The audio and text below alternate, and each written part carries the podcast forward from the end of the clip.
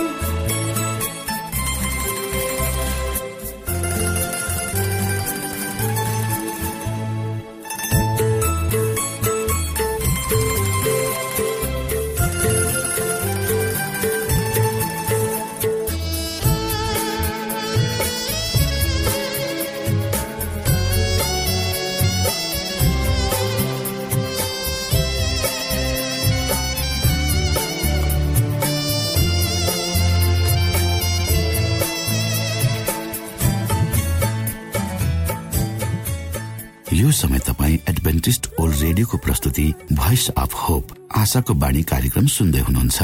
श्रोता मित्र यो समय हामी पास्टर उमेश पोखरेलबाट आजको बाइबल सन्देश सुन्नेछौ।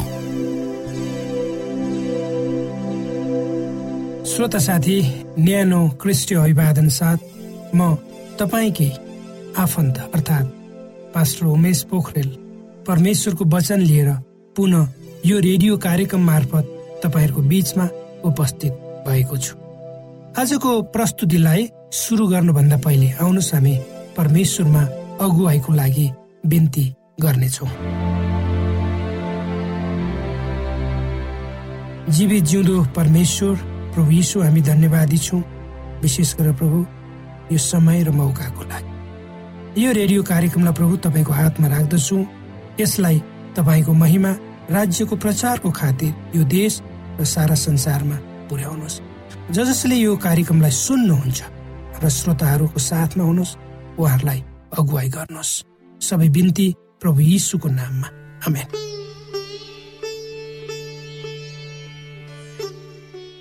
श्रोता साथी जीवनको सफलताको मापन मानिसले आफ्नो आफ्नो विचार परिस्थिति र अवस्थालाई आधार मानेर गर्ने गर्दछ। तपाईँ कुन ठाउँमा कस्तो परिवार र परिवेशमा जन्मनु भयो भएको छ त्यसैको आधारमा तपाईँले आफ्नो जीवनको मूल्याङ्कन गर्नुहुन्छ र यो स्वाभाविकै प्रक्रिया हो। मानिस यस्तो प्राणी हो जसलाई जति भए पनि पुग्दैन र ऊ अझ प्राप्तिको चाहनामा आफूलाई अगाडि बढाइ नै रहेको हुन्छ। त्यसैले त यो संसारको विकास यो अवस्थामा यति चाँडै भयो। पवित्र धर्मशास्त्र बाइबलको भजन सङ्ग्रह भन्ने पुस्तकको एक सय उन्नाइस अध्यायको अठार पदमा यसरी लेखिएको पाइन्छ।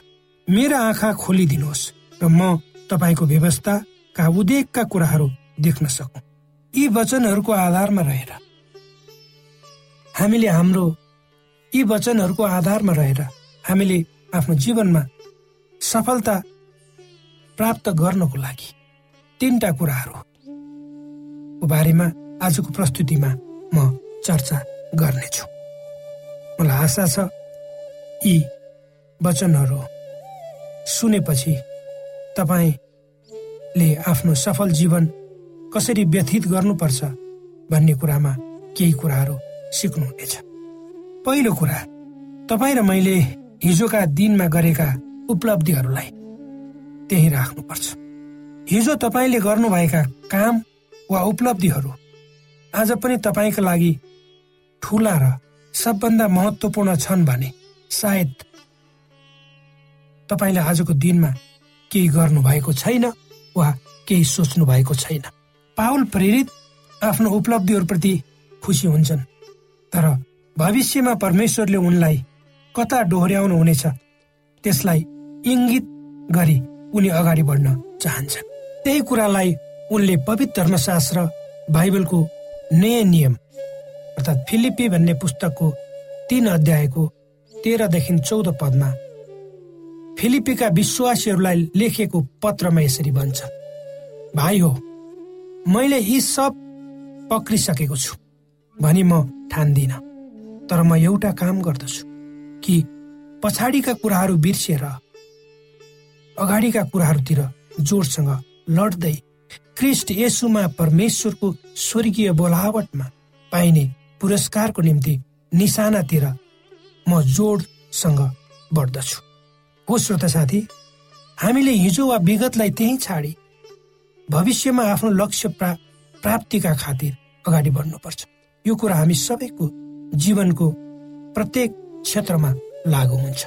सफल जीवनको दोस्रो कुरा हो कि धेरै जसो मानिसहरू आफ्नो हात बाँधेर बस्छन् र केही गर्दैनन् र भोलि जब अवसर आउँछ म सफल हुन्छु भनेर ठान्छन्। त्यो गलत सोचाइ हो।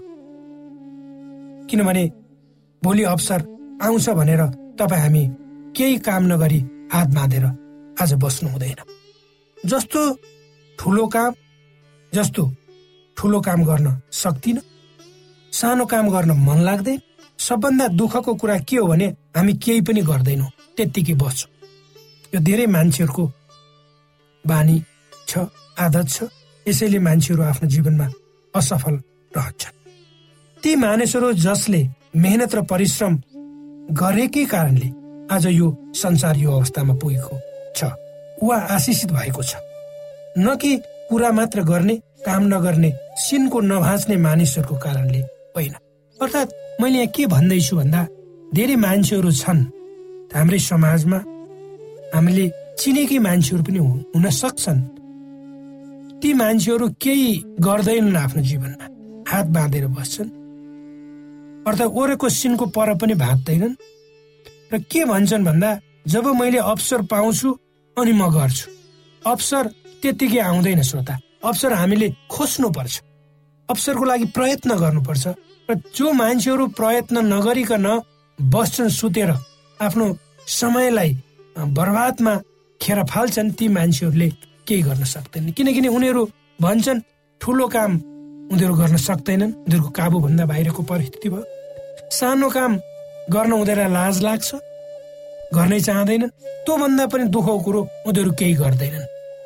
मलाई आशा छ तपाईँ यी मान्छेहरूको वर्गमा पर्नुहुने छैन। यदि हुनुहुन्छ भने पनि यी कुराहरूबाट तपाईँ निस्कनुहोस्। सफल जीवनको तेस्रो कुरा श्रोता मित्र तपाईँले कुनै काम सुरु गर्नुहुन्छ र त्यो सुरुवातले तपाईँको अन्त्यलाई आदेश नदियोस् वा नडोर्याओस्? अर्थात् किनकि तपाईँले कुनै कुराको सुरुवात जुन अवस्था र परिस्थितिमा गर्नुहुन्छ त्यसको अन्त्य त्यही परिस्थिति र अवस्थामा नहुन सक्छ। यो व्यावहारिक रूपमा पनि हामीले सोच्नुपर्छ। कुनै कामको तपाईँ हामीले सुरुवात गर्छौँ भने जुन समयमा त्यो गरिएको हुन्छ र त्यो सुरुवात गरिएको कामको त्यो सम्पन्नता चाहिँ जुन परिस्थितिमा सुरु गरिएको छ त्यही परिस्थितिमा नहुन सक्छ।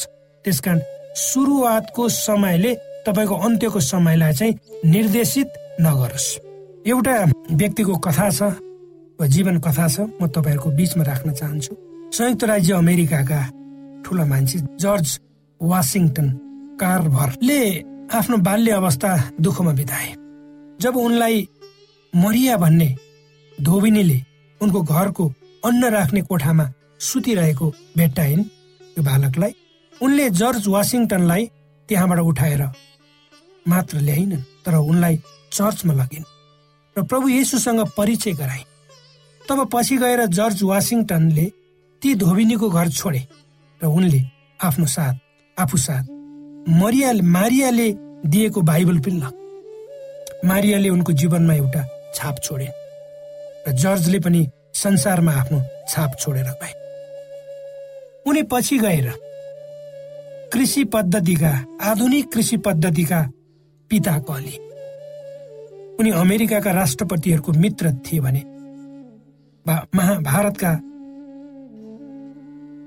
उनी अमेरिकाका राष्ट्रपतिहरूको मित्र थियो भने महात्मा गान्धीका महात्मा गान्धीसँग पनि उनको मित्रता थियो भनेर भनिन्छ। उनले तिन सय भन्दा बढी उनले तिन सय भन्दा बढी खोजहरू गरे। सबभन्दा महत्वपूर्ण कुरा त यो छ कि उनको जीवनमा विभिन्न नराम्रा परिस्थितिहरू पनि आइलागे। त्यसको बावजुद उनी प्रत्येक दिन बिहान आफ्नो प्रयोगशालामा गए। र प्रा उनले प्रार्थना गरे र भने प्रभु मेरा आँखा खोलिदिनुहोस् ताकि ठिकसँग म देख्न सकु। भने कसरी? यस्तो भावना भएको मानिसलाई आशिष दिन परमेश्वर पछि पर्नुहुन्थ्यो र त्यसैले यी साना बालक जसले आफ्नो बाल्य अवस्था दुःख र कष्टपूर्ण बिताए तर उनको जीवनमा एउटा धोबिनीले छाप छोडे। र त्यो धोबिनीले छोडेको छापलाई उनले ग्रहण गरे र उनले यो संसारमा ठुलो छाप छोडेर गए। त्यसकारण श्रोता मित्र तपाईँको जीवनमा यस्ता धेरै अवसरहरू तपाईँले प्राप्त गर्न सक्नुहुन्छ। परमेश्वरले दिनुहुनेछ। यी सानो अवसरको रूपमा पनि आउन सक्नेछ। त्यसलाई तपाईँले खेर फाल्न नदिनुहोस्। त्यसलाई स्वीकार गर्नुहोस्। श्रोत साथी आजको यो व्यस्त संसारमा तपाईँ हामी जिइरहेका छौँ। मानिसहरूले विज्ञान र प्रविधि मार्फत संसारका विभिन्न क्षेत्रमा प्रगति गरेका छन्। यसको श्रेय मानिसमा नै जान्छ किनकि उसले गरेको मेहनत र परिश्रमको प्रतिफल ऊ उपभोग गरिरहेको छ। र हामी पनि त्यसै भित्र पर्छौँ। संसारका जुनसुकै क्षेत्रमा बस्ने जुनसुकै वर्गका मानिसहरू हामी किन नहौ? सबै व्यस्त जीवनको दौडमा लक्ष्य प्राप्तिको खातिर दौडिरहेका छौँ वा छन् चाहे ती साना वा ठुला लक्ष्यहरू किन नहुन्? मानिस यस्तो प्राणी हो जो निरन्तर प्रयत्न गरिरहन्छ र ऊ कुनै एउटा कुराबाट सन्तुष्ट हुँदैन। त्यसैले मानिसले धेरै प्रगति गर्न सकेको छ प्रभु प्रगतितर्फ बढ्न चाहन्छ। तर जब एक व्यक्तिको जीवनको सफलता वा असफलताको विषयमा तपाईँ हामी कुरा गर्छौँ त्यति बेला हामीले हाम्रो जीवनलाई हेर्ने दृष्टिकोण के छ? त्यसको आधारमा मापन वा मूल्याङ्कन गर्नुपर्छ वा गरिन्छ। आज तपाईँ हामी चाहे जस्तो सुकै परिस्थिति र अवस्थामा किन नहौ। के तपाईँ हामी आफ्नो जीवन सफल रूपमा अगाडि बढेको कुरामा निश्चित छौँ त? यो प्रश्न सबैको लागि श्रोता के तपाईँ हामी आफ्नो जीवनप्रति सन्तुष्ट छौँ त? यी प्रश्नहरूको तत्कालै जवाब तपाईँ हामीले दिन नसकौँला। दिए पनि चित्त बुद्धो नहोला। तर जब तपाईँ परमेश्वरको इच्छा अनुसार आफ्नो जीवन प्रभु येसुमा राखेर आफ्नो जीवन यात्रालाई चलाउनुहुन्छ। तब तपाईँको जीवनलाई हेर्ने दृष्टिकोण संसारले हेर्ने भन्दा उल्टो वा फरक हुन्छ। किनकि संसारले एउटा मानिसको सफलताको मूल्याङ्कन हुन सक्छ उसले कमाएको धन सम्पत्ति वा पद प्रतिष्ठा र विद्याद्वारा गर्ला। तर परमेश्वरसँग हिँडेका मानिसहरूले उनीहरूको जीवनको सफलता भनेको। उनीहरूले कति मानिसहरूको आँसु पुछे। कति मानिसहरूको भाँचिएको हृदयलाई जोड्ने काम गरे र कति गरिब दुखीहरूले उनीहरूबाट सेवा पाए त्यसको आधारमा सफल जीवनको मूल्याङ्कन गरिन्छ। परमेश्वरले यी कुराहरू बुझ्नको लागि तपाईँलाई अगुवाई गर्नुहोस् र तपाईँले आफ्नो सफल जीवन मानव हितको लागि परमेश्वरको इच्छा अनुसार प्रयोग गर्नुहोस्।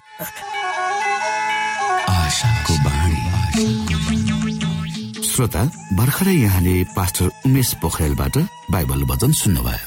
यो समय तपाईँ एडभेन्टिस्ट ओल्ड रेडियोको प्रस्तुति भोइस अफ होप आशाको बाणी कार्यक्रम सुन्दै हुनुहुन्छ। कार्यक्रम सुनेर बस्नुहुने सबै श्रोतालाई हामी हाम्रो कार्यक्रममा स्वागत गर्न चाहन्छौ।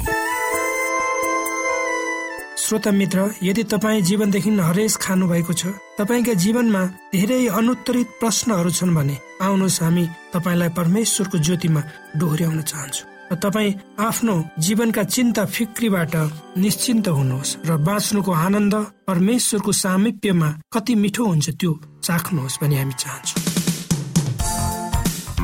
श्रोता यदि तपाईँ आशाको बाणी कार्यक्रमलाई अनलाइन सुन्न चाहनुहुन्छ वा डाउनलोड गर्न चाहनुहुन्छ भने W W W dot AWR dot ओआरजीमा जानुहोस्। त्यहाँ तपाईँले प्रत्येक दिनको कार्यक्रम सुन्न र डाउनलोड गर्न सक्नुहुनेछ।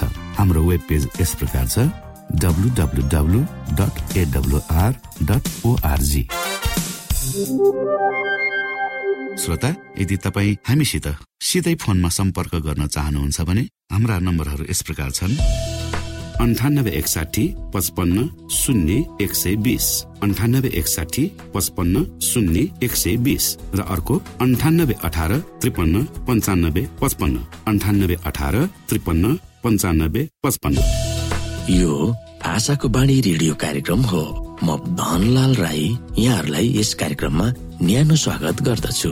आजको समसामयिक विषयको प्रस्तुतिमा उद्देश्य प्रेरित पुनर्जन्म देश देशभरका आत्मा परिवर्तनका कथाहरू प्रस्तुत छ स्वीकार्नुहोस्। आजको कथा अवकाश लिने योजना छैन। ओहो काना मामा केवी पापुवा न्यू गिनीबाट।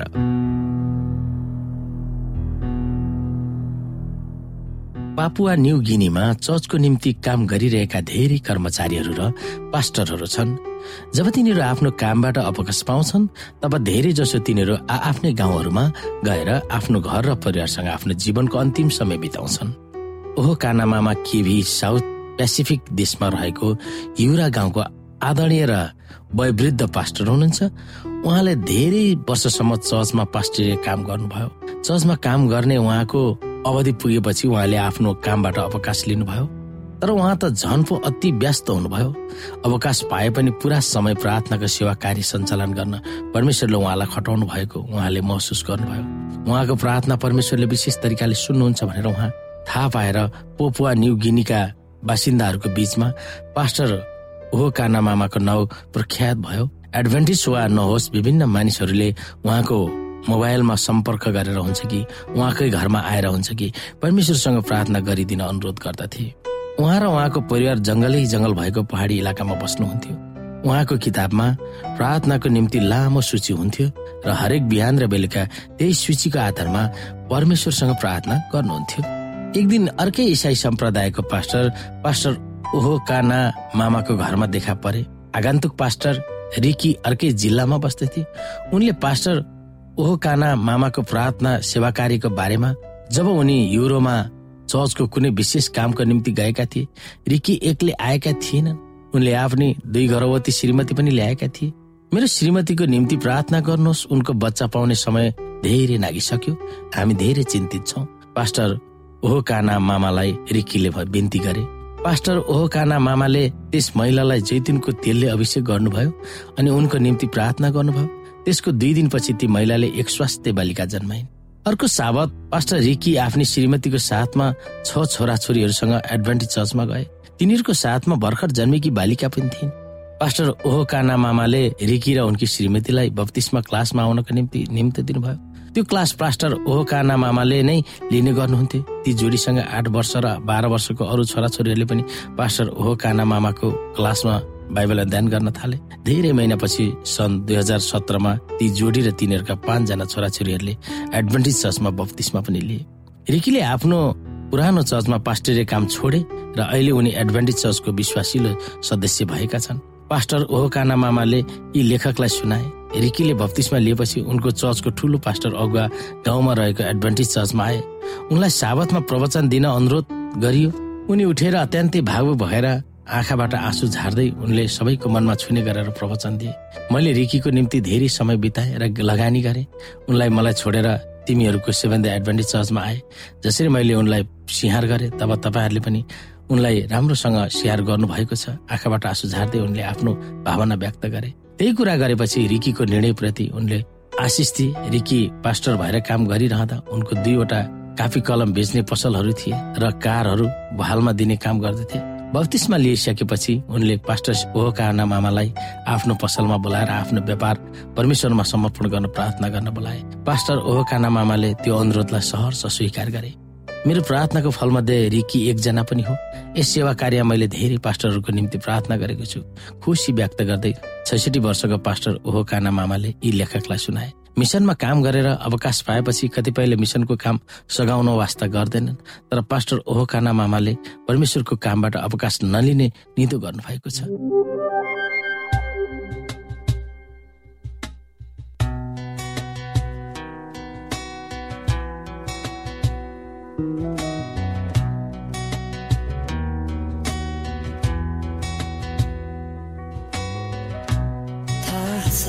जित्ने छु एक दिन। थाहा छ हाँस्ने छु एक दिन। थाहा छ जित्ने छु एक दिन। थाहा छ हाँस्ने छु एक दिन। यो लामो सङ्घर्षको यात्रालाई समाप्त गरी तिमीसँग आइपुग्नेछु एक दिन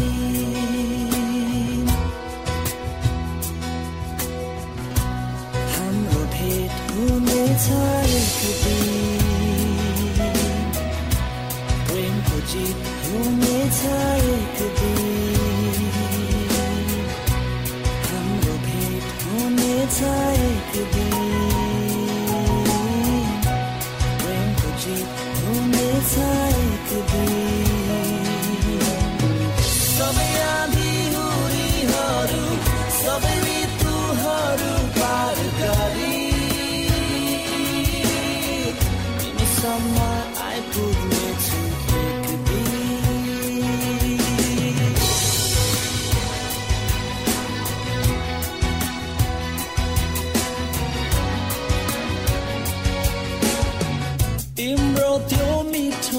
म हेरिरहनेछु। तिम्रो त्यो सुन्दरतामा मग्न हुनेछु। साकार हुनेछ मेरो सपना जीवन भरको। बसमा नै हुने छैन धड्कन हृदयको। प्रेमको शत्रुहरूको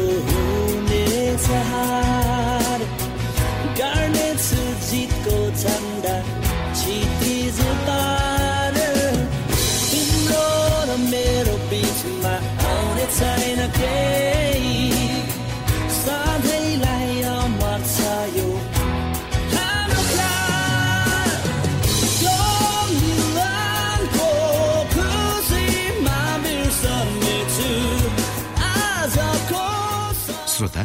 घडीको सुईले समय सकिन लागेको संकेत गरिसकेको छ?